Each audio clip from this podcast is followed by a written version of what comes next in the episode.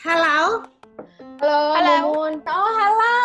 Terima kasih undangannya. Kayak biasanya kalau Oh, tamu ya. tuh suka disuguhin gitu. Kok Iya. aku belum dapat suguhannya? Silakan. Apa? Kirim emoji aja emoji. Zaman Oh, sekarang oh. kirimnya emoji. Emoji ya. Kita di agak susah. Kita susah nih Hmm. kalau mau ngirim Winda apa-apa sekarang Iya, karena kirim doa dia aja sih, ini kirim doa. Iya. karena kirim kirim ini mungkin Indomie rendang atau gimana. Oh karena dia God. tinggalnya di Inggris sekarang. Oh, oh, iya, di ujung kulon, UK. Eh, di mana? Ujung kulon Gwen. ada badak. Terserah lo aja. Terserah. Gua di jadi kalau eh, tahun lalu tuh ya di awal tahun tuh CNN tuh ngeluarin daftar 50 kota yang wajib lo kunjungi. Nah, salah satunya tuh Hmm. kota gua, Plymouth. Itu tuh satu kota di Southwest eh, UK.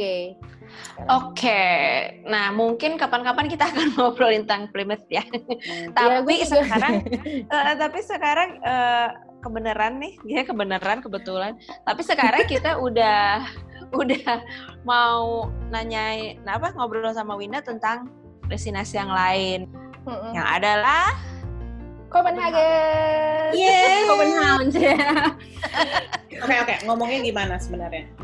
ah, Namanya gimana? enggak gue sih eh, kalau orang sana mungkin ngomongnya Copenhagen karena ditulisnya tuh K Copenhagen. O coret B E H A N. V N ya Copenhagen.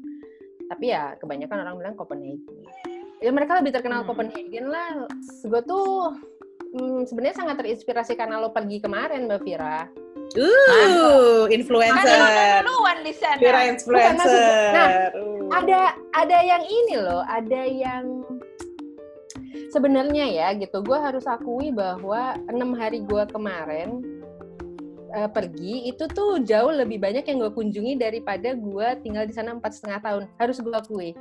Oke, Sonas ya, Sobat Nanas, ini perlu dijelasin dulu bahwa dulu Winda itu pernah tinggal di Copenhagen dari tahun 2009 sampai 2013 ya. 13 ya. Ah, Ya. eh, abis itu eh, waktu itu ngapain di sana dalam rangka apa?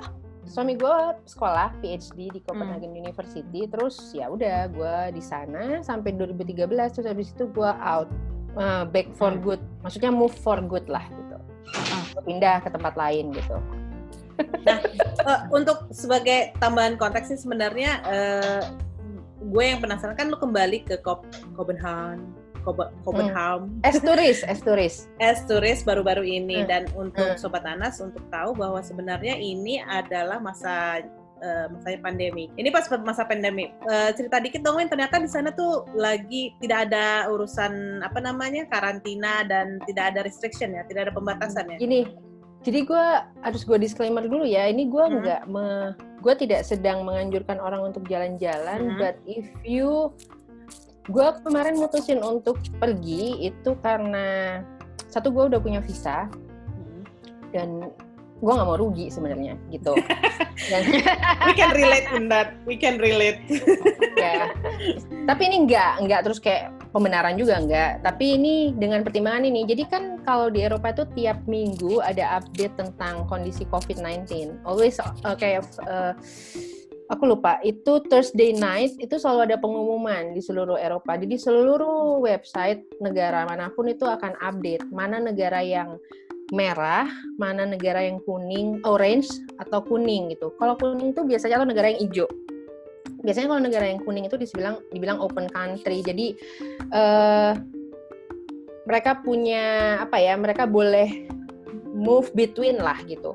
Aturannya berbeda-beda gitu. Jadi eh, ada kasusnya harus karantina dulu dari Perancis ke UK. Kalau misalkan lo balik dari Perancis lo harus karantina dulu gitu. Nah kemarin gue mutusin akhirnya, oke kita berangkat nih ke Copenhagen karena gue punya visa yang gue bikin di Denmark Embassy. Jadi gue mutusin untuk pergi ke Copenhagen karena uh, ini keputusan tanggal 30 Juli ya. Jadi saat itu tuh nggak ada nggak ada kewajiban untuk karantina masuk ke Denmark dan nggak ada kewajiban untuk karantina waktu gue balik ke UK.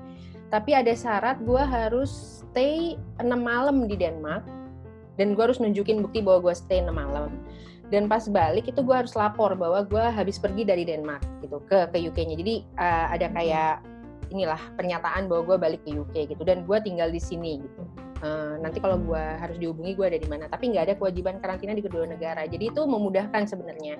Tiap minggu tuh bisa berubah kondisinya gitu. Hmm. Jadi ya kalau hmm. lo mau hmm. ya jadi ini tuh berlaku untuk Eropa ya. Jadi gue nggak bisa bilang negara lain gitu. Dan dan dan ya, ya. kondisinya adalah kayak kewajiban pakai masker di airport itu tuh wajib banget ya diperiksain semua orang. Terus di pesawat tuh ya uh, whole uh, flight itu ya orang nggak boleh ada yang copot. Dan satu yang gue baru tahu gitu, jadi kalau lo mau pipis lo nggak boleh ngantri di belakang, di depan lavatory itu nggak boleh. Jadi lo harus jadi? mencet mencet si tanda yang manggil flight attendant, nanti dia uh-huh. yang bilangin itu udah kosong lo boleh ke sana gitu. Oh okay. dia udah semprot pakai disinfektan gitu-gitu. Jadi mm-hmm. kan lo biasa boleh nunggu ya di depannya gitu kan? Iya. Ini nggak boleh. Lo nggak boleh ada antrian dan lo nggak boleh ada ke, apa ya harus ada social distancing. Tapi kan nggak mungkin ya satu meter dalam pesawat kan? Disemprot sama mereka baru lo dipanggil. Itu yang gue baru tahu hmm. gitu. Itu dalam pesawat. Menarik aturan-aturan nih uh, bagaimana ini ya? Maksudnya kayak banyak banyak yang beradaptasi ya new normal yeah. tuh ya ya itu kan sebenarnya tapi yeah, yeah, yeah, yeah. Uh, menarik cara Eropa untuk menyikapinya gitu Mm, gue belum pernah dengar itu yang di Indonesia mm. ada kayak gitu. Tapi yeah. ya gue juga belum terbang lagi selama eh, pandemi ini, jadi nggak tahu deh sebenarnya itu ada apa enggak karena mungkin sebenarnya orang-orang juga keep silent saja sih sama kayak urusan kalau gue terbang juga sebaiknya gue diem diem aja gue juga kalau nggak lo tanya bukan gue nggak akan cerita juga kan gitu hmm. ya, kayak ada sih gua... di sini bahkan yang emang udah disponsorin oleh maskapainya ada hmm. tapi gue oh. lihat dari postingannya emang nggak ada cerita soal antri di uh, toilet pesawat gitu menarik sebenarnya apa pun yang apa pun yang kayak misalkan perjalanan yang lo mau lakuin kayak pastiin dulu gitu negara lo apa statusnya gitu negara lo terutama hmm. terbang kembali ke Copenhagen apa sih tadi? Yeah, yeah. Copenhagen. Copenhagen. Copenhagen. Copenhagen aja Copenhagen. Susah dong. Copenhagen. Anyway, Copenhagen. Gue gak mau yeah, salah Copen... sebut kayak Maldives. Gue mau nyebutnya Copenhagen. Copenhagen. Gue sih kayak orang Jawa, Copenhagen gitu. Gue itu Jawa. Copenhagen. Oke, okay, uh, eh, balik ke Copenhagen nih. Uh, ya si Vira tuh sebenarnya balik dari trip Eropanya itu dan uh, sobat Nanas bisa dengar banyak sekali episode dari uh, podcast kita yang ngomongin tentang trip Vira ke Eropa kemarin. Emang dia menyebutkan itu adalah Copenhagen menjadi salah satu destinasi uh, favoritnya ya nggak sih Fir? Iya, yes, banget yang gitu. gue mau banget ulang lagi. Sebenarnya dulu gue suka gini ya, nggak tahu ya Mbak Vira kayak gue tuh kayaknya Copenhagen tuh bisa lah habis cuma sehari. Tapi pas gue di sana enam hari tuh nggak banget ya. Sebel kayaknya kan gue udah berusaha kaki gue nggak boleh capek kaki gue nggak boleh capek. Itu kayak gue masih kayak kok gue capek ya gitu kan. kalau yang gue rasain sih mungkin juga gini karena uh, gue kan di sana yang penuh tuh kayak cuma tiga tiga setengah hari gitu kan hmm. hmm, hmm. dan uh, eh, gue ke satu museum terus satu uh, pusat arsitektur ya nggak nggak semacam galeri arsitektur gitulah pameran-pameran DAC ya DAC DAC eh, atau sama, uh, ya uh, sama oh du iya iya itu terus satu museum desain kan hmm. jadi minimal di satu tempat itu aja kan udah beberapa jam gitu benar jadi udah lama bener, juga bener. ya salah satu ketertarikan gue ke sana itu kan karena arsitekturnya kan mm-hmm. jadi gue juga uh, mau lihat apa bangunan-bangunan karyanya si Bjarke Ingels itu hmm. gua gua tur sendiri ya, pak, apa namanya self guided tour pakai aplikasi jadi yeah, udah yeah, mondar mandir dalam satu kota itu ke beberapa uh, spot. Poin ya ya itu juga udah beberapa jam sendiri kan. Mm -hmm, gitu mm -hmm. dan masih banyak yang belum ya itu. Dan emang kan itu kota besar ya Win? Mm -hmm. ternyata tuh kotanya besar. Ternyata kotanya besar gimana sih? Gimana ini gimana ceritanya? lo tahu lo tahu kan pepatah gajah di pelupuk mata nggak kelihatan hmm. semut di seberang lautan. Karena itu gua. Hmm. jadi begitu gua keluar dari gua keluar dari Copenhagen bulan Mei gue ketemu kan gue nggak punya Instagram ya jadi gue gue tuh nggak punya baru dulu dulu 2013 ya hmm. jadi gue belum punya Instagram jadi gue memang nggak tahu dan Instagram ini benar-benar ngeblow up Copenhagen banget sebenarnya. Hmm. Dari 2013 bergerak tujuh tahun ke sini tuh uh, influencernya menurut gue ya influencernya Copenhagen itu berhasil banget ngebikin ngeblow up kotanya. Ada ada satu ada satu ini ya, ada satu gereja yang semua orang foto di situ. Bispe Biakirken. Oh, gue Eh, malah nggak tahu ya? juga sih. Ah, ada ada. Jadi itu bagus banget. Memang kalau fotonya mana ya coba Eh, namanya Grunsvikskirke kalau misalkan mau pengen cari ya di di Mm-mm. map. Itu hurufnya apa Orang aja tuh? Hmm. Itu uh, Gruns biasa itu nah pas nih itu gue bilang kemarin ke suami gue yang aku tuh harusnya pengen pengen ke sini terus dia ngeliat fotonya hah gereja ini dia bilang gitu lah waktu pas bikin uh, akte kelahirannya bumi itu anak gue ya di situ terus ya satu. Terus dia bilang ya kalau dari luar ya kayak gereja aja. Dia bilang itu iya sih benar bilang gitu. Yang kedua terus dia bilang gini gue baru sadar rumah sakit ada rumah sakit di seberang jalannya. Lah gue kalau ke rumah sakit di rumah sakit itu jadi gue kelihatan sebenarnya sama gereja itu. Itu dua. Terus gue kalau naik sepeda dari KBRI ke rumah gue itu tuh selalu kelewatan gereja itu. Jadi kayak bener-bener gue nggak tahu ada gereja itu waktu pas gue tinggal Wah, di sana- ini juga ini juga gue menyesal sih nggak tahu ada gereja ini. Ini cakep banget. Waktu itu gue nggak ke sana. iya nah kemarin gue itu kayak punya punya waktu kosong cuman hari Senin dan itu tutup hari Senin jadi gue ya Oh. selalu ada alasan untuk kembali lagi Kembali lagi. Yes. gue setuju. Yes. Ya kalau gue sendiri sebenarnya eh, udah kepingin ke Copenhagen tuh sejak kayak 2009 apa 2010 karena baca waktu itu kan belum ada Instagram juga ya gue Mm-mm. Eh, karena gue baca di majalah travel. Ah, lo harusnya datangnya Mm-mm. waktu itu lo bisa tinggal di tempat gua Ya gimana ya? ya sudah lah ya.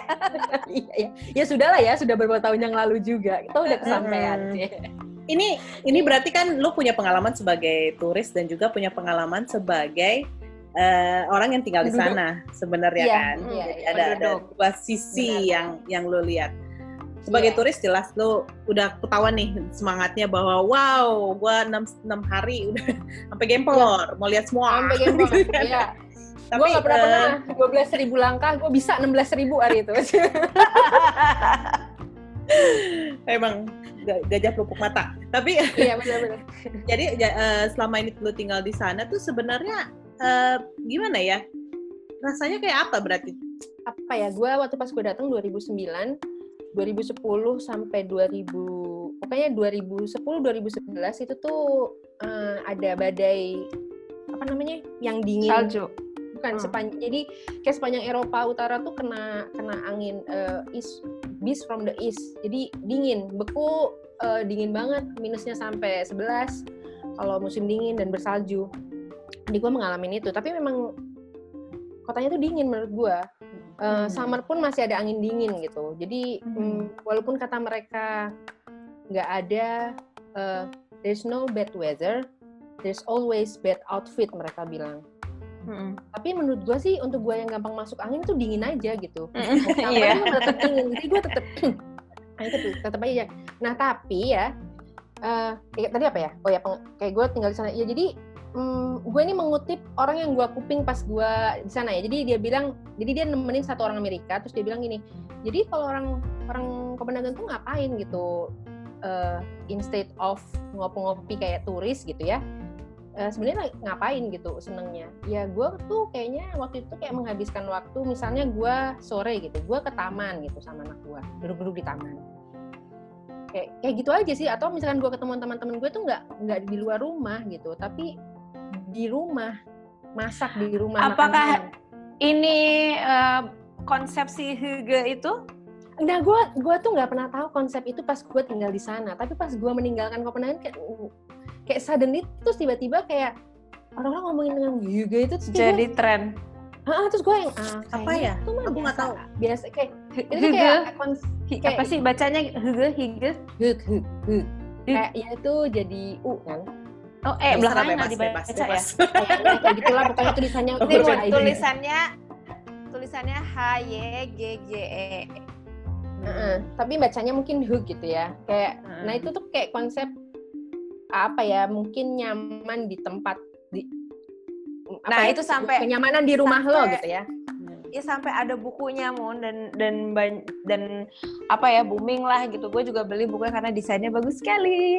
Iya, Eh, terus ya ilustrasinya bagus banget. Nah itu tuh emang kayak nggak ter eh, nggak ter terjemahkan di bahasa lain gitu minimal setidaknya Hmm. bahasa Inggris atau bahasa Indonesia tuh nggak ada kayak it's it's a whole concept of being comfortable tapi nggak hanya comfortable gitu lo kayak harus apa misalnya ada makanannya tuh makanannya preferably yang dibikin sendiri ngumpulnya ngumpul sama orang-orang terdekat lo tapi nggak lebih dari lima orang Emang it's it's so typical banget kayak gitu gitu. Mm-mm. Jadi, terus home life ya. pengalaman iya life. banyak Iya ya pengalaman gue di Ah. sana itu tuh jarang Iya. Ka- karena jadi gue kalau misalnya tanya lo eh, waktu pas lo tinggal di sana lo sering makan di luar? Enggak. Sama sekali. Gue mungkin karena gue mahasiswa suami gue mahasiswa juga ya kehidupan gue dulu kehidupan mahasiswa. Jadi eh, memang lebih prefer makanan di rumah gitu. Karena mungkin waktu itu juga makanan halal nggak banyak ya restoran halal. Jadi Hmm. gue memang prefer makan di rumah. Dan tapi ya eh, tiga kali diundang dua kali tiga kali ya diundang makan malam sama supervisornya suami gue itu dia selalu mak- masak gitu dia selalu Hmm. karena karena dia yang punya tamu dialah yang masak gitu Hmm. jadi jadi di jadi ma- makan itu tuh bukan kalau kita kan makanan udah dihidang ya makan malam diundang makan malam itu makan malam di sana tuh jam 6 jadi gue biasanya kita datang tuh Hmm. jam 5 gitu ya dia bakal ngasih snack gitu which is snacknya adalah carrot eh, wortel wow dan buah-buahan dan potongan seledri Eh, itu snacknya terus nanti dia sambil masak gitu. Gue masak dulu ya nanti jam 6 selesai dan dia menghidangkannya. Jadi proses masaknya itu kelihatan gitu. Ya kayak ya jadi ada proses masak sambil ngobrol gitu. Jadi kue Hmm, pun hmm. gitu kan kalau kalau dessertnya gitu ya pas kita makan udah sedikit kayak dia udah tahu nih oh ya kayak udah mau selesai nih makan malam. Dia bakal ke dapur gitu nyiapin dessertnya. Which is nggak susah gitu nggak kelepon enggak gitu. Kayak apple pie aja gitu yang cuma dipotong-potong tutup masukin gitu. Atau kayak eh, apa ya sesuatu yang gampang lah gitu nggak terus tart gitu nggak gitu. Nggak yang Hmm. nggak yang artificial made lah memang bener-bener handmade gitu homemade handmade gitulah orang-orangnya itu. Gue ya ngelihatnya gitu ya. Gue nggak bisa me- mengeneralisir tapi itu yang gue rasain gitu. Satu lagi yang gue lihat gue dan suami gue selalu ajaib adalah kayak cara mereka makan siang. Lo sempat makan rugbrot rugbrol apa ya kayak kayak roti warna coklat agak asem. Enggak eh Ayo. seingat gue enggak. High fiber gitu. Tapi biasanya kalau misalkan beli open sandwich ala ala Denmark itu selalu itu rotinya. Nah, Pilihannya- broad itu. yes, right, s'mores broad itu. Gue makan itu sekali. Itu kan keras gitu kan kenyang.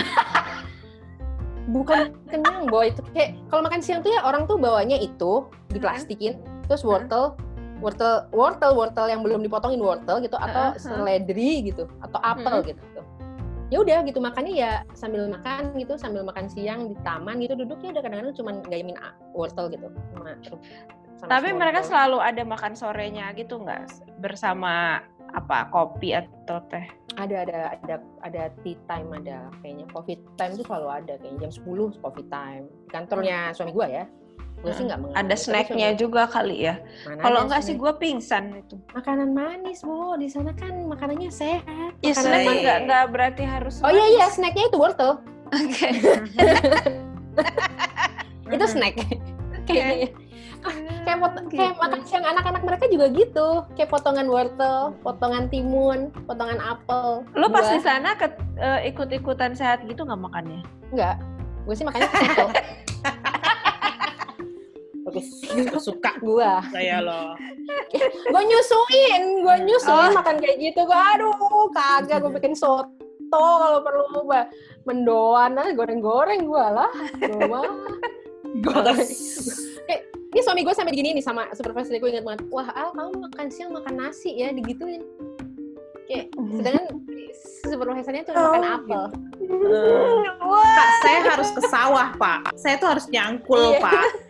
Sebagai negara dari negara berkembang ya, saya tuh Agraris harus nyangkul. ya, nggak ada. Heeh, iya.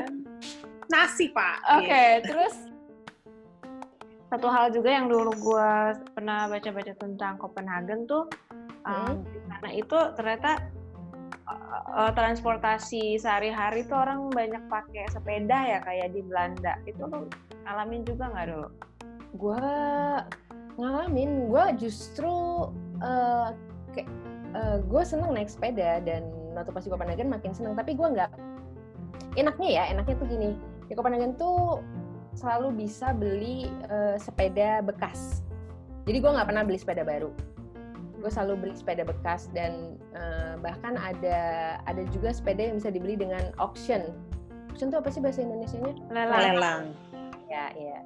Gitulah. Ya ya habis lo merhatiin nggak mbak Vira bahkan anak gue ya anak gue gini kayak anak gue tuh sampai berdiri lama gitu ngeliatin lampu merah di kok lampu merahnya ada lampu untuk sepedanya sih? gitu. Lo merhatiin nggak? Jadi ada gua nggak gue nggak merhatiin. Tapi uh -uh. memang dari yang gue pernah baca di entah di blog apa di mana saking mereka itu punya budaya sepeda hmm? di di perempatan uh, di lampu hmm? merah itu juga ada kayak footrest ya, untuk ya, orang ya. yang bersepeda gitu jadi ya. pas berhenti itu kakinya bisa iya. apa nyangklong di situ gitu bener bener banget karena sepeda di sana tuh kalau ngerem ke belakang eh? oh kayak kayak fiksi ya yang oh nggak tahu gue ah ya gue nggak tahu juga. Tapi sepeda gue tuh dulu uh, kalau ngerem ke ke belakang gitu ngek gitu.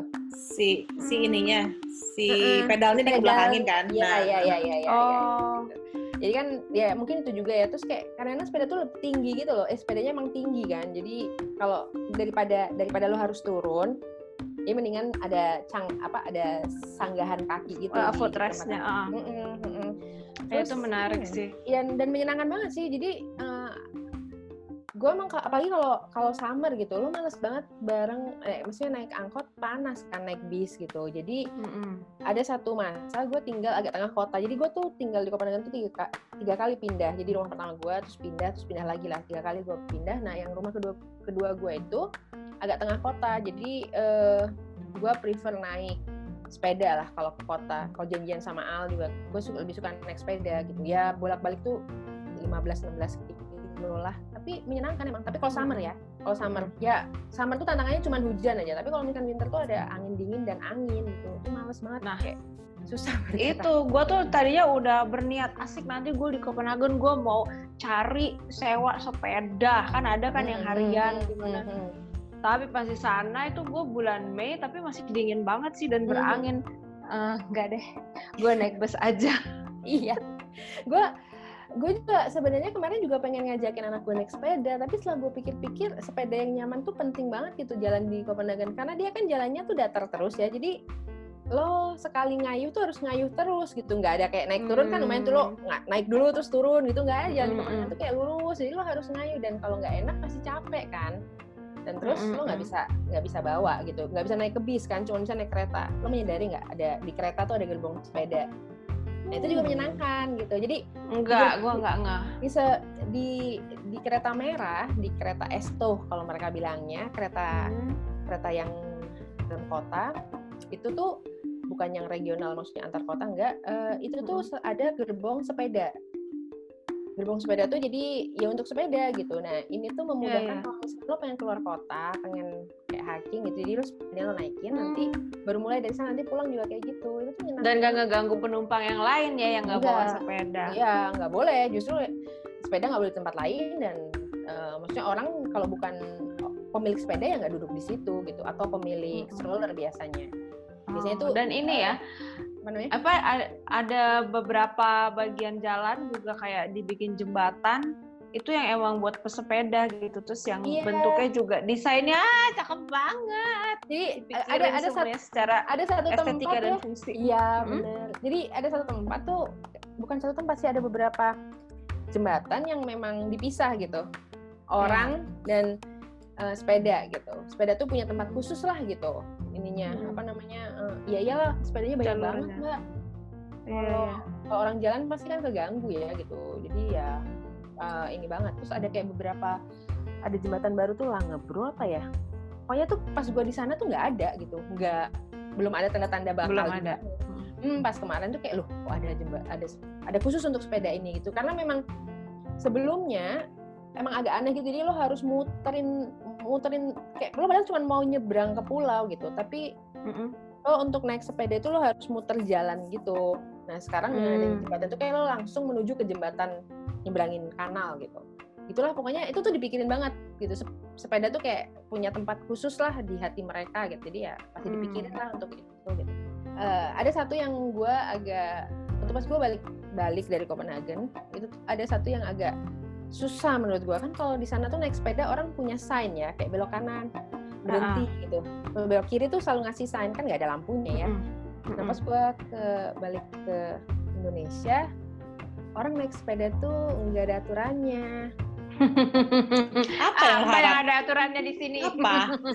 Terus gue apa yang agak kaku terus gue kayak sedangkan gue tuh biasa kayak misalkan gue naik sepeda terus kayak gue mau berhenti ya gue berhenti. Jadi kan gini mm -hmm. kayak lo mau lo mau berhenti dan lo mau belok gitu lo berhenti lo bilang lo angkat tangan orang akan lewat di sebelah kiri lo gitu iya, lo iya. akan berhenti gitu ya lo kayak lampu sen gitu kan fungsinya. ya tapi pakai tangan gitu jadi yeah. itu tuh itu tuh sangat semua orang mengerti itu dan harus hmm. harus ngasih kalau itu gue ya gue tahu tentang itu dulu waktu kecil tuh baca buku Tini kalian pada baca nggak sih? Oh iya iya iya iya iya itu uh, uh, ada Tini, ya, ya, Tini naik sepeda atau apa gitu. Iya itu kan dari sepeda. Iya iya iya. Jadi ya, uh, ya itu. Padahal Padahal lu punya prerogatif loh, Win. Lu sebagai emak-emak boleh loh, nggak usah pakai tanda apa pun belok aja. Nggak nggak perlu. Di sini ya. Iya, mama di sini tuh. lagi. Uh, motor aja eh, boleh mobil aja kan juga proto, boleh.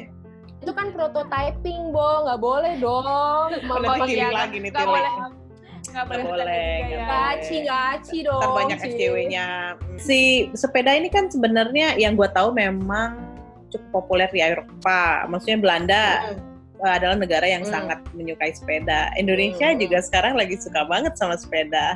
Apalagi um, Brompton. Apalagi Brompton. Yeah. Kalian kayak nah, kaya banget sih, Bu. Tahu. Cuman uh, pertanyaan gue adalah kenapa orang Copenhagen itu mengutamakan uh, kehidupan uh, pakai sepeda gitu loh. Uh, sampai dibuat tandanya, sampai dibuat uh, apa food restnya lah sampai apa kenapa penting?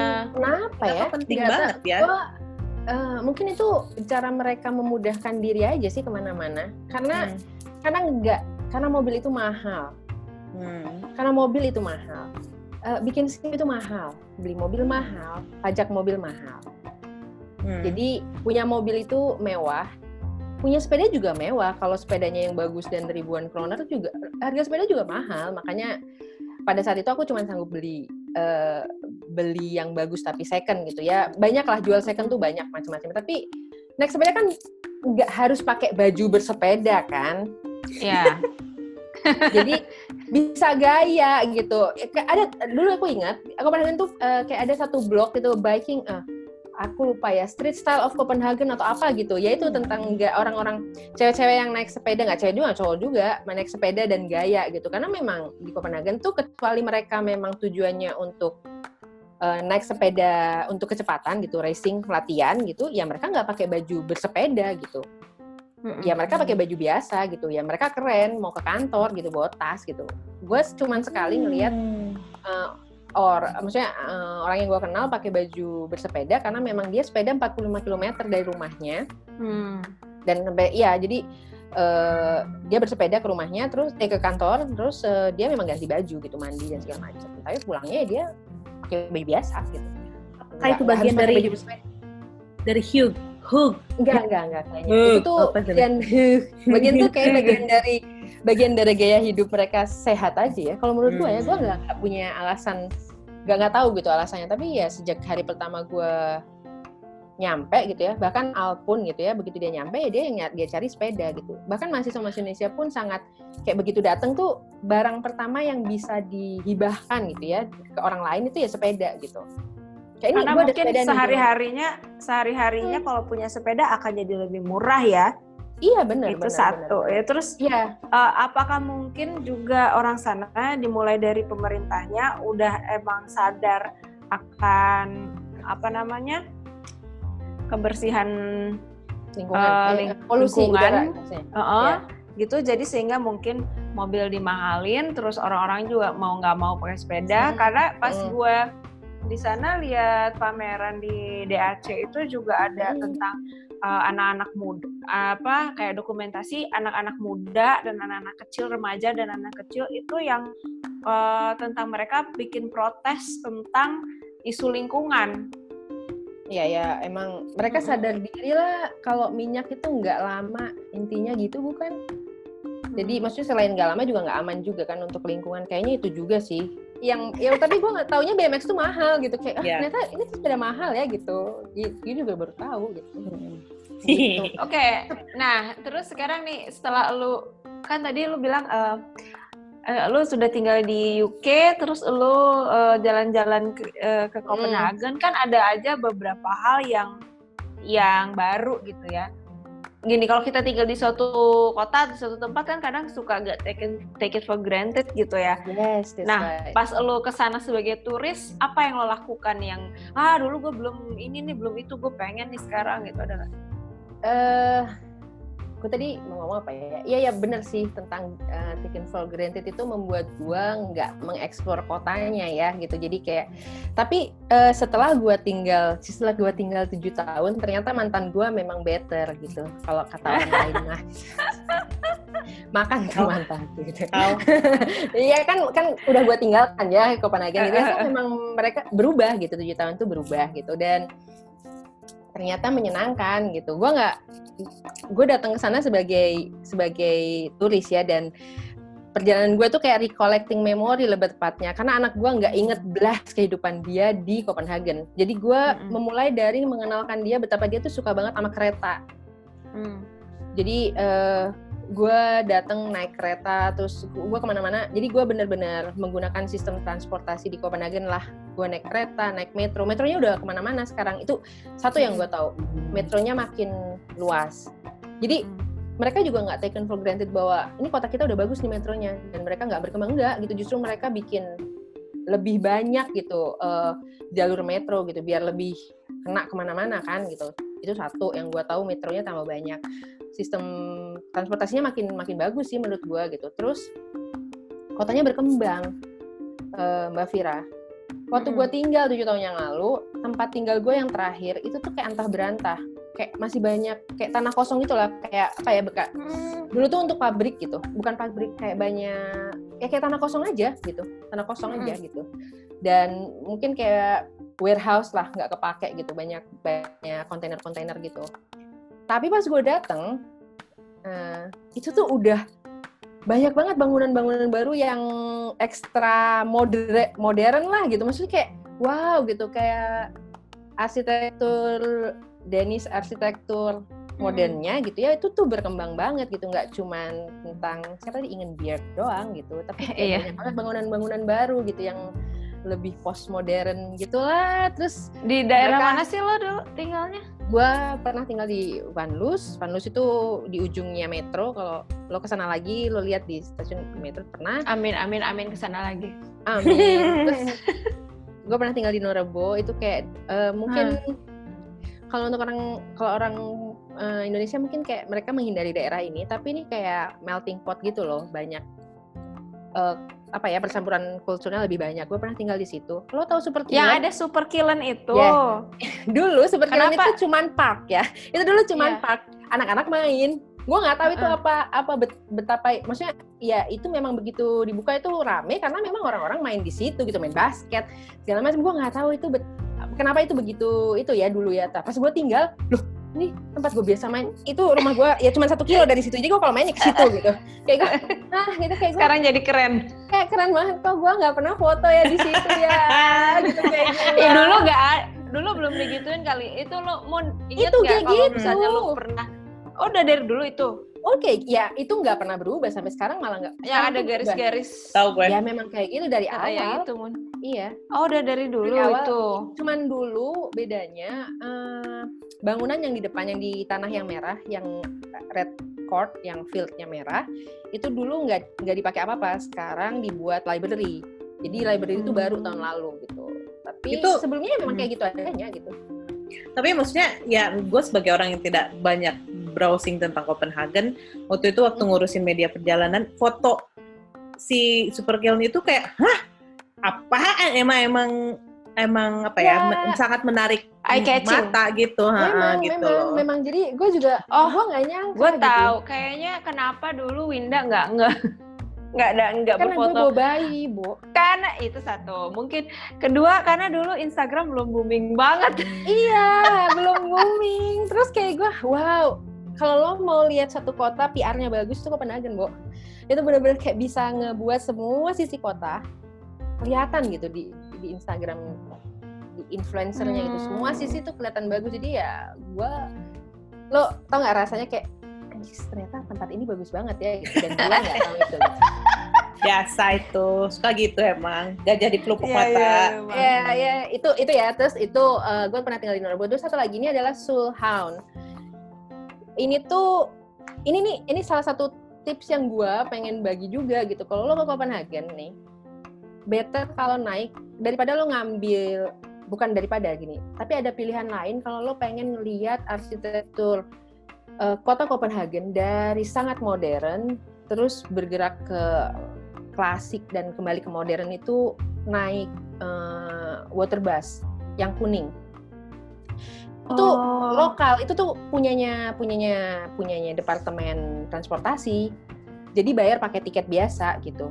Tapi lo bisa Water dari- bus jadi lewat itu ya eh, apa sungai Kali. yang lewat Nyhavn gitu iya sungai gede itu si kanal itu Heeh. ya Heeh. itu jadi dia tuh Oh. dari ujung mana ya dari ujung utara ke ujung selatan dari North Northound Northound ke Sulhound nah lo bakal lihat itu semua dari Gemini Building terus eh, eh, segala macam jembatan yang ada di foto apa pun di Copenhagen lo bakal ngelewatin semua jembatan itu terus jembatan yang gitu-gitu yang merah untuk sepeda Mm-mm. yang baru yang itu itu lo bisa lihat gitu terus eh, ya itu sih menurut gua kayak lo daripada lo nggak naik apa sih yang kayak tour tour pakai water kayak tour gitu ya kalau menurut gue sih gue lebih seneng kalau lewat si pakai water bus ini Havnebassen mereka bilangnya Havnebussen nah Hmm. itu tuh ya lo bisa lihat semua jenis arsitektur lah dan dari laut gitu jadi lo kelihatan berdirinya gitu bukan lo dari dekat kan kalau dari dekat lo cuma bisa ngelihat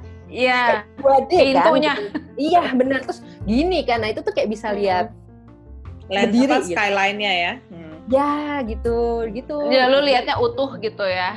benar gitu nggak nggak harus ndanga gitu kan apa itu ndanga ya gitulah gitulah. Iya. Nah, Menengadah. menengada Menengadah. ya aduh maaf ya bahasa Indonesia gue ndanga aduh aneh banget. Kalau nggak bahasa Inggris ya bahasa danga. Ya, bahasa Jawa. Gimana sih gue aduh. itu gue ya itu gue tinggal di Northound yang dulu tuh nggak ada apa-apa. Pas gue datang sana gue sampai bingung. Gue bingung beneran karena loh kan dulu kan tempat stopnya si kapal ini tuh kosong gitu. Dan sekarang udah penuh penuh bangunan gitu. Gue terus ada satu tempat lagi lo sempet datang ke ada namanya Konditeget Lugers kayak tempat bermain gitu playground Mbak Vira Enggak. gitu dia di top di rooftopnya di rooftop satu gedung gitu ya. Nah itu juga kayak eh, banyak bangunan baru gitu lah dengan jenis arsitektur yang lebih wow gitu menurut gua gitu ya. Ya nggak biasa lah nggak nggak nggak minimalis kayak kayak tipikal Copenhagen arsitektur ya. Tapi menurut gua itu gitu. Jadi ya karena gua ya karena pas gua datang ke sana jadi banyak list gua gitu tapi terutama karena gua pengen me, me- apa ya memberi merecollecting memori anak gua sih lebih tepatnya kayak naik bis, naik metro, terus ke tempat yang lebih anak-anak yang ternyata gitu ya, yang ternyata kayak rundetan gitu kan bagus banget ya. Hmm. Anak gua juga menikmati, gua menikmati secara arsitektural. Terus Den Bula Planet, si akuarium gitu, anak gua dan suami gua menikmati, gua pun ternyata secara arsitektural menikmati banget gitu. Kayak gitu kayak. Nah, ini. Gimana ini? Sonas, Sonas nih ya. eh, apa yang disebut-sebutin Winda ini ada di Instagramnya. Gua tadi baru lihat-lihat Instagramnya Winda. Tapi lu Instagramnya digembok nggak sih?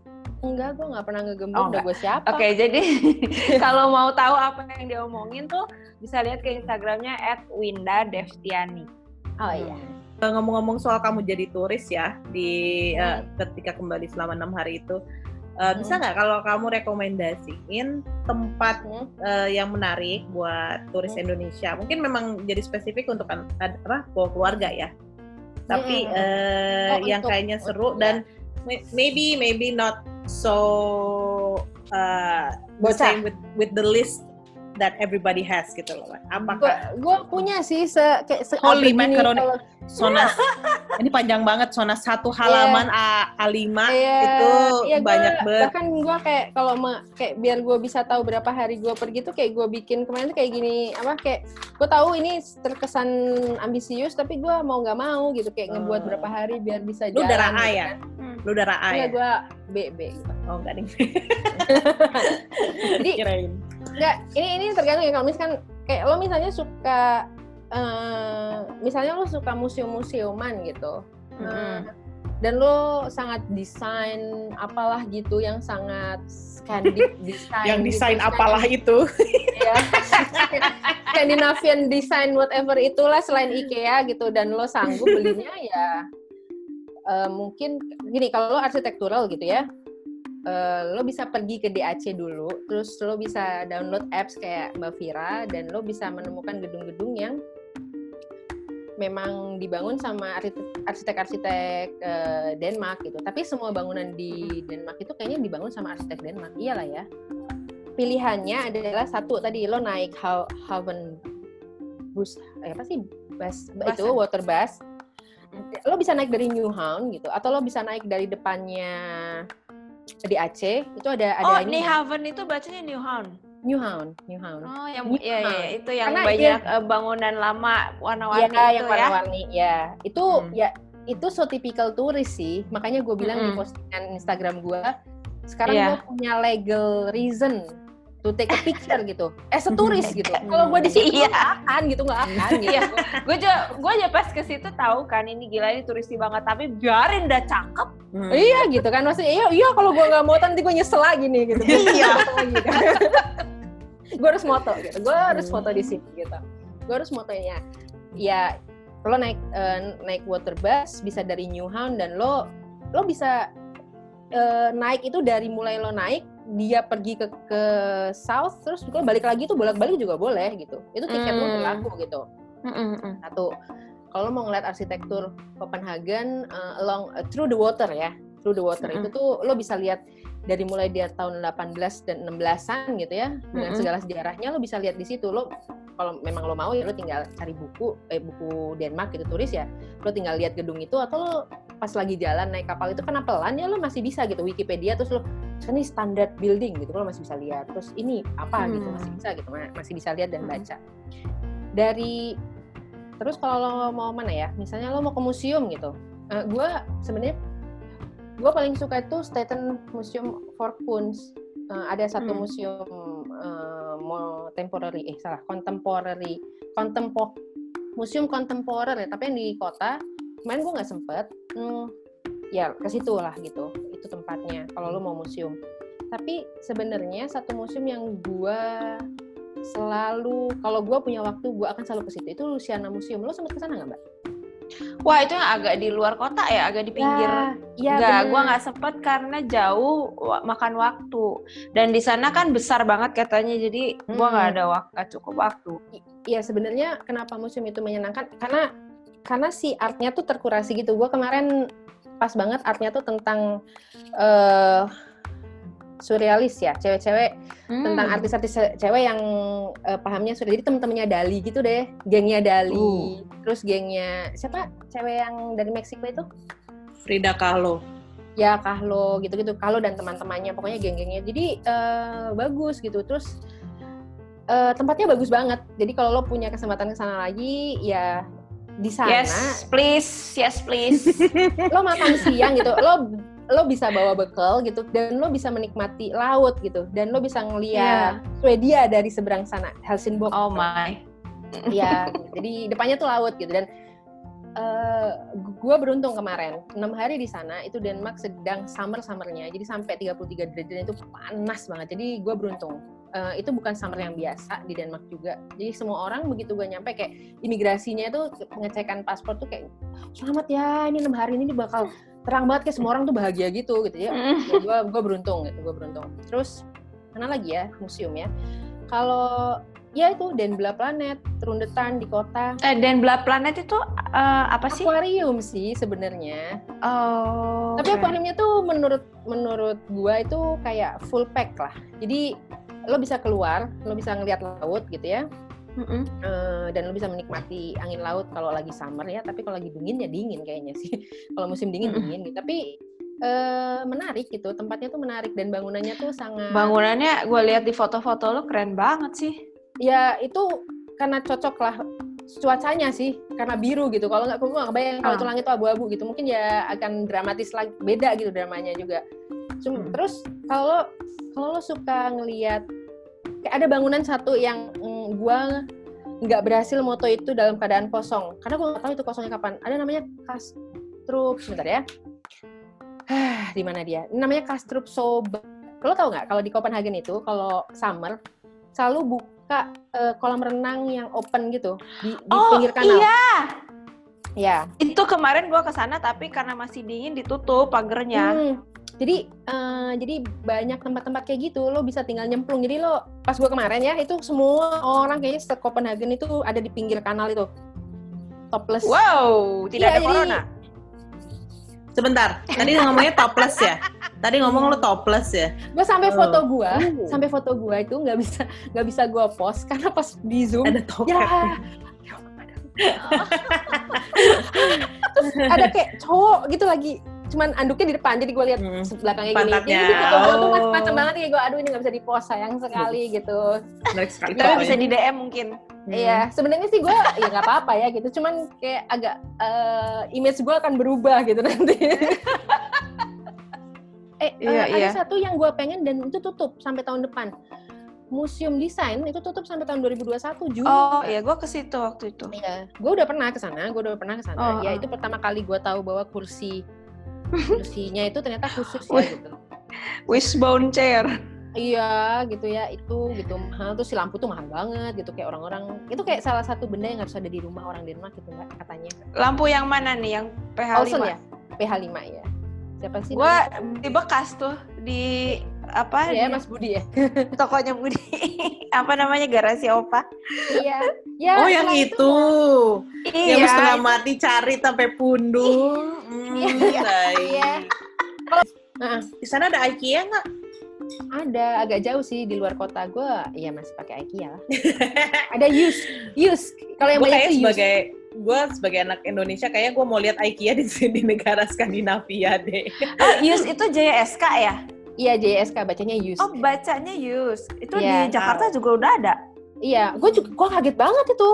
Maksudnya, Tapi, Iya, Gua gue pas di sana sempat pengen, gue pengen masuk ya, mm, tapi gak keburu, udah kesorean, udah tutup karena gue pengen bandingin. Soalnya kalau yang di Jakarta si Yusk ini emang nggak sebagus IKEA sih.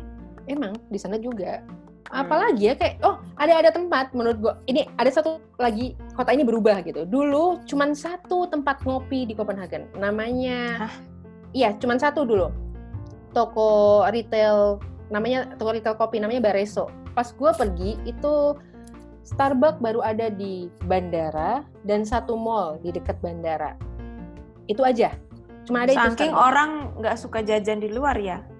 Karena dulu kopi itu dimonopoli sama yang Bareso ini di tengah kota. Oh. Pas gue kemarin ke sana itu udah nggak ada si Bareso ini, udah ganti jadi espresso espresso espresso house. But eh, yang gue eh, temukan adalah banyak tempat-tempat ngopi yang kopinya ya. Gue ngopi itu dua kali sehari, tiga kali sehari juga gue kadang-kadang nggak kerasa. Saking gue biasa aja ngopinya. Tapi untuk Mm-mm. suami gue yang susah milih kopi, dia tuh perutnya aneh. Tapi dia bilang nggak ada yang gagal dia minum kopi di Copenhagen. Selalu enak. Di London aja masih ada yang gagal ya tapi di Copenhagen semuanya enak. Dan Hmm. kuenya enak-enak. Kuenya tuh enak-enak gitu. Jadi Mhm. gue memang cuma dua ya. Nggak gue tiga sebenarnya. Eh empat beli kopi ya. Saking seringnya gue ada temp- empat tempat tapi dua tuh kayaknya eh, franchise gitu ya. Dua yang punyanya sendiri tuh sa- ini gue boleh menyebut nama nggak sih Boleh, boleh. Kita semua disponsori oleh semua. Kita Ah, disponsori. semua. Nah, Ya, jadi Seluruh dunia mensponsori kita. Eh, jadi ada Democratic Coffee. Ini nih lucu, gue ke sana ya. Terus kayaknya udah mau tutup. Terus sama si yang punya, terus kayak yang "Eh, itu kuenya masih banyak, kamu ambil aja, dibilang gitu. Jadi, terus kayak kita, gue sok sok malu-malu, udah udah cukup lah empat. Terus ternyata enak. Terus gue nyesel. terus ada lagi, mungkin ini ini nggak penting ya, tapi menurut gue kayak ada satu tempat ngopi. Hmm, original gitu kopinya namanya. Di atasnya pusat perbelanjaan Ilum di kota. Ilum tuh isinya mall dengan high brand gitu dan plus Hmm. eh, semua Oh makanya gua nggak tahu. Tapi ya ternyata, tapi bangunan ini cukup menarik, bangunan Ilum ini, Mbak Vira. Itu bangunan lama yang dulunya kayak hotel atau apa gitu, tapi sekarang jadi mall dan itu bagus gitu ya. Nah di rooftopnya itu lo bisa lihat sto, Stroget, Stroget itu jalan Hmm. panjang itu, tapi dari atas Hmm. dari rooftop. Jadi Hmm. pemandangannya bagus. Jadi kayaknya hari ini tuh akun Copenhagen sesuatu ya juga ngepost itu. Nah itu kayaknya dari situ sih. Coben Copenhagen Common. Nah itu juga kayak ya itulah. Nah itu dia ngepost. Nah itu kayaknya diambil dari rooftopnya ini gitu. Oke, nah Win, Hmm. untuk eh, Sonas yang pada nantinya setelah Mm-mm. pandemi selesai mau eh, jalan-jalan ke Copenhagen, Mm-mm. Copenhagen, lo Mhm. ada tips nggak untuk hemat eh, pengeluaran selama di sana? Enggak. Gue suka jawaban lo. Mahal, Bo. Mahal. Sebenarnya itu bisa diakalin banget dan itu selalu berlaku untuk gua gitu ya. Kayak misalnya lo mau hemat ya lo lo ngepack makan siang sendiri gitu. atau lo beli lunch pack yang ada di eh, toko kelontong bukan toko kelontong apa maksud gue kayak Seven Eleven gitu itu help much lah tapi kan masalahnya kalau di sini tuh eh gue pun ya kalau misalnya gue ke London gitu kalau gue nggak sempet ngepack makan siang untuk jalan-jalan ke London ya gue lebih milih sandwich yang ada di toko-toko kayak paket paket makan siang yang ada di toko kelontong gitu. Mm-mm. tapi kan pilihan di sini lebih banyak ya. Eh, kayak sandwich isi cuma telur gitu terus isinya tuna gitu. Nah kemarin gua memang ya enak ya, maksudnya ya mungkin itu salah satu pilihannya ya makan siang kan makan kan yang paling banyak tuh keluar sebenarnya kan. Nah dan gua nggak bisa gue juga bukan orang yang biasa tinggal di Airbnb Mbak Vira gua Hmm. gue tuh pas pindah ke sini pertama kali gue tinggal di Airbnb dua minggu karena gue sewa satu rumah. Tapi gue nggak pernah punya pengalaman eh, ber Airbnb ya, belum lah belum belum punya keberanian jalan-jalan. Heeh, jalan-jalan. Gue biasanya lebih prefer hotel lah. Jadi gue Nggak beraninya kenapa? Nggak tahu ya gue lebih nyaman di hotel aja gitu mungkin Nice. Gue suka gaya lo, Win. Apakah ada tahu. seperti kiat kayak mending beli tourist pass atau Ah. apa kayak gitu-gitu loh? ternyata gitu memakai tiket transportasi yang harian yang kayak 24 jam sampai lima hari itu menurut gue lebih untung daripada lo beli satuan Mm-mm. Karena kalau kalau kan kayak gue kemarin kan enam hari ya gue beli yang lima hari tuh. Jadi kalau lo capek lo tinggal naik ini dan lo nggak mesti mikir kayak mau naik bis beli tiket. Mau naik Ya. kereta beli tiket gitu. Dan gue harus ngitung kan kalau di di, di Copenhagen tuh suka ada zonanya gitu. Walaupun mungkin yang jalan-jalan tuh masih zona itu juga itu tuh juga ya zona satu zona dua tapi kayak lo harus mikir kan gitu. Nah dengan menurut gue kalau lo ke Copenhagen eh, pakailah aplikasi DOT DOT tiket. Hmm. itu tuh punyanya perusahaan transportasinya Copenhagen. Dan di situ tuh ada pilihan mau beli satuan satu, dua zona atau tiga zona atau lo beli city pass namanya. Nah city pass ini ada yang dari 24 jam sampai 120 jam eh, lima hari. Menurut gue itu beruntung banget. Udah cukup luas lah sampai zona 4 lo ke mana-mana naik kereta naik turun lo nggak mesti mikir gitu dan itu di di handphone jadi Oh nggak eh, pakai kartu. kartu karena nah Fisik ini ya? juga ya karena ini juga ternyata kalau lo beli kartu itu tuh ada eh, ada payment di awalnya tuh 80 kroner kalau nggak salah yang lo Hmm. deposit yang lo nggak bisa ambil lagi gitu Oh bukan rugi kan? deposit kalau nggak bisa diambil ya? bukan kayak beli kartunya gitu Oh, beli beli, kartunya beli kartu fisiknya Hmm. tuh 80 kroner kalau nggak salah ya Oh, oke kalau di Singapura EasyLink gitu ya. Tapi lu lu beli kartunya tapi ntar lu bisa refill refill terus gitu Iya, top up. iya, iya. Tapi kan ada 80 kroner yang lo belum tentu lagi. Ya. kan. Ada DMI, eh, aplikasi weather. Menurut gue itu berguna aja sih, kayak hari ini gitu. Ketepatannya Iya, lumayan gitu. Yang kedua tuh ada bisa di Google Map juga, tapi mereka punya namanya Race Planet, eh, kayak app juga, yang lo bisa tahu naik apa gitu ke mana. Hmm. Google Map juga bisa sih, Google Map juga bisa. Tapi ini lebih kayak lo, misalkan lo berdiri terus lo ngeliat, oh ini ada stopan bis. Nah di situ lo bisa tahu di sini kapan kapan datangnya gitu. Lebih real time ya. ya lebih real time gitu. Tapi semua hampir semua moda transportasi di Copenhagen itu hampir semua tepat waktu, termasuk bis. Kehitungannya Ya. tuh bisa berubah. Kayak dua menit dia telat misalnya, tadinya udah satu menit terus di dua menit dia berubah gitu dua menit lagi gitu. Ya. Kopaja atau Metro Mini di Indonesia bahkan tidak berhenti. Iya. Nggak ada nunggu. Mohon maaf. Iya. gue gua kan naik gue kan naik naik metro mini sekolah tuh dia gue Hmm. kadang-kadang cuma satu kaki baru naik dia udah Ya, jalan kan? gitu kayak gue oh tidak Bahkan di Gitu. itunya nggak ada nggak ada satu menit lagi. Sedang Kalau- lewat. Sedang Iya, kalau lewat. Kalau di Copenhagen kan lo harus duluan dari busnya, terus lo Hmm. naik. Kalau eh, Metro Mini, lo bukan hanya harus duluan, lo harus udah nyampe dan udah ready jet set. Iya, udah Go, satu iya. kaki naik, udah kan satu kaki go. naik. Jadi apa itu? Budaya tepat waktu di Indonesia bahkan Iya. bukan Iya, budaya iya, tepat iya. waktu, ahead of lagi. time. iya iya ahead of time.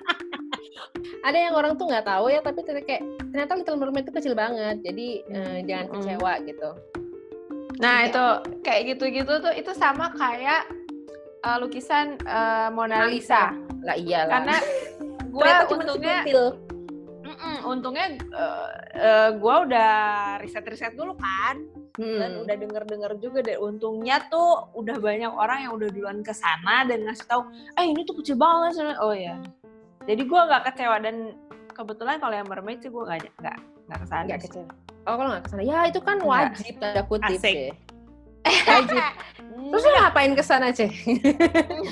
Kalau gue sih emang mau ketemu kan kan kata ini kayak pas gue bilang eh, temen gue nanya lo mau ke mana besok Win? Eh, ke Little Mermaid. Enggak lo beneran mau ke sana? Kan kecil banget. Lagian kan lo udah pernah ke sana. Ikan anak gue belum pernah gue bilang gitu. Gue alasan anak gue padahal gue ya foto gue yang waktu itu pakai jaket. Kan musim dingin kan gue pengennya yang agak terang gitu lampunya. Bagus. anaknya jadi alasan. Ini Iya. gara-gara dia punya akun Instagram nih jangan-jangan nih jadi tiba-tiba pengen punya foto. tapi belum diposting yang itu.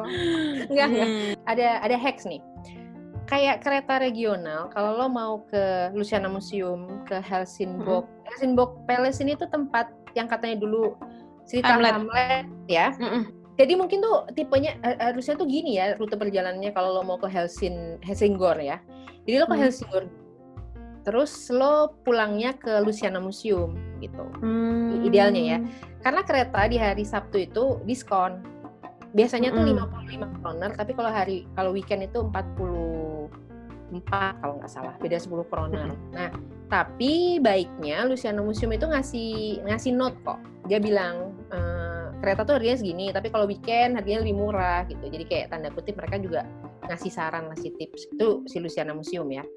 Ya sama sama kereta-kereta lain kalau misalkan lo ke Helsingborg atau ke Frederiksborg gue tadinya pengen yang ke Helsingborg karena gue gue suka cerita Hamlet Iya, iya itu emang gue udah pernah ke sana pas musim panas Mm-mm. suatu tahun yang lalu dan itu tuh menarik sebenarnya. Sebenarnya sih nggak tahu ya itu isu dari mana. Apakah itu tempat gue lupa apakah itu tempat syutingnya atau apa tapi ya ya menarik. enggak tapi itu menarik. itu eh, Puri yang katanya Shakespeare itu menggambarkan eh, Oh. istananya Hamlet tuh kayak based gitu. on si eh, eh, itu kalau nggak salah eh tapi Hamlet itu memang ceritanya di Denmark settingnya Iya iya iya iya benar benar Mm-mm. benar benar benar. Ya ya ya Gitu. gitulah. Gue ya banyak menemukan apa ya kayak banyak menemukan insight-insight baru di kota itu sih gitu. Walaupun Hmm. eh, kurang ternyata ya enam hari juga gitu. I wish Ya, more ahead lu more aja enam hari Selamat kurang, datang ke dunia udah turis. pas setengah tahun Iya, iya. kurang Ketika Eh masalah tahun itu maka ya ini ini itu juga tips adalah eh, lo harusnya jalan-jalan dulu menikmati kota lo ya sampai muak gitu baru kayak lo refreshing lagi di kota lo sendiri gitu karena pasti di kota lo tuh ada yang baru lagi. Setelah gue pikir-pikir waktu gue pindah ke, ke Abu Dhabi gue menerapkan itu gitu. Gue berusaha sebaik mungkin mengeksplor kota gue gitu. Gue nggak mau Hmm. Bukan gue nggak mau gue agak gengsi gitu lah ya kayak kayak, kok orang bisa tahu ini dan gue nggak tahu gitu kayak eh kayak gitu sih gitu kayak gue eh, pantang tak top gitu eh, gue nggak mau kalah gitu asik. Tapi Wuh, ya- ternyata gengsi. eh iya dong eh, eh, gengsi nomor Oh, iya satu dong. tapi gue suka nih gue suka dia gengsi dan dia mengakuinya Hmm. dia tidak gengsi untuk mengakui bahwa dia gengsi Betul. bagus Eh, iya. Karena pasti banyak banget hidden hidden gem sih lebih tepatnya kota. Ya salah satunya adalah gue berapa berapa berapa tahun ya gue di di Indonesia? 27 tahun gue merasa bahwa gue belum mengeksplor Indonesia segitunya gitu. Itu penyesalan hmm. gue yang terutama gitu. Sekarang gue datang ke Indonesia as turis kan jadinya gitu. Nggak kayak hmm. dulu gue punya privilege untuk pulang ke rumah gitu. Itu punya keterbatasan waktu kayak katanya Mumun gitu. Selamat datang di dunia turis gitu punya keterbatasan waktu dan dana gitu kan benar kan? Hmm gitu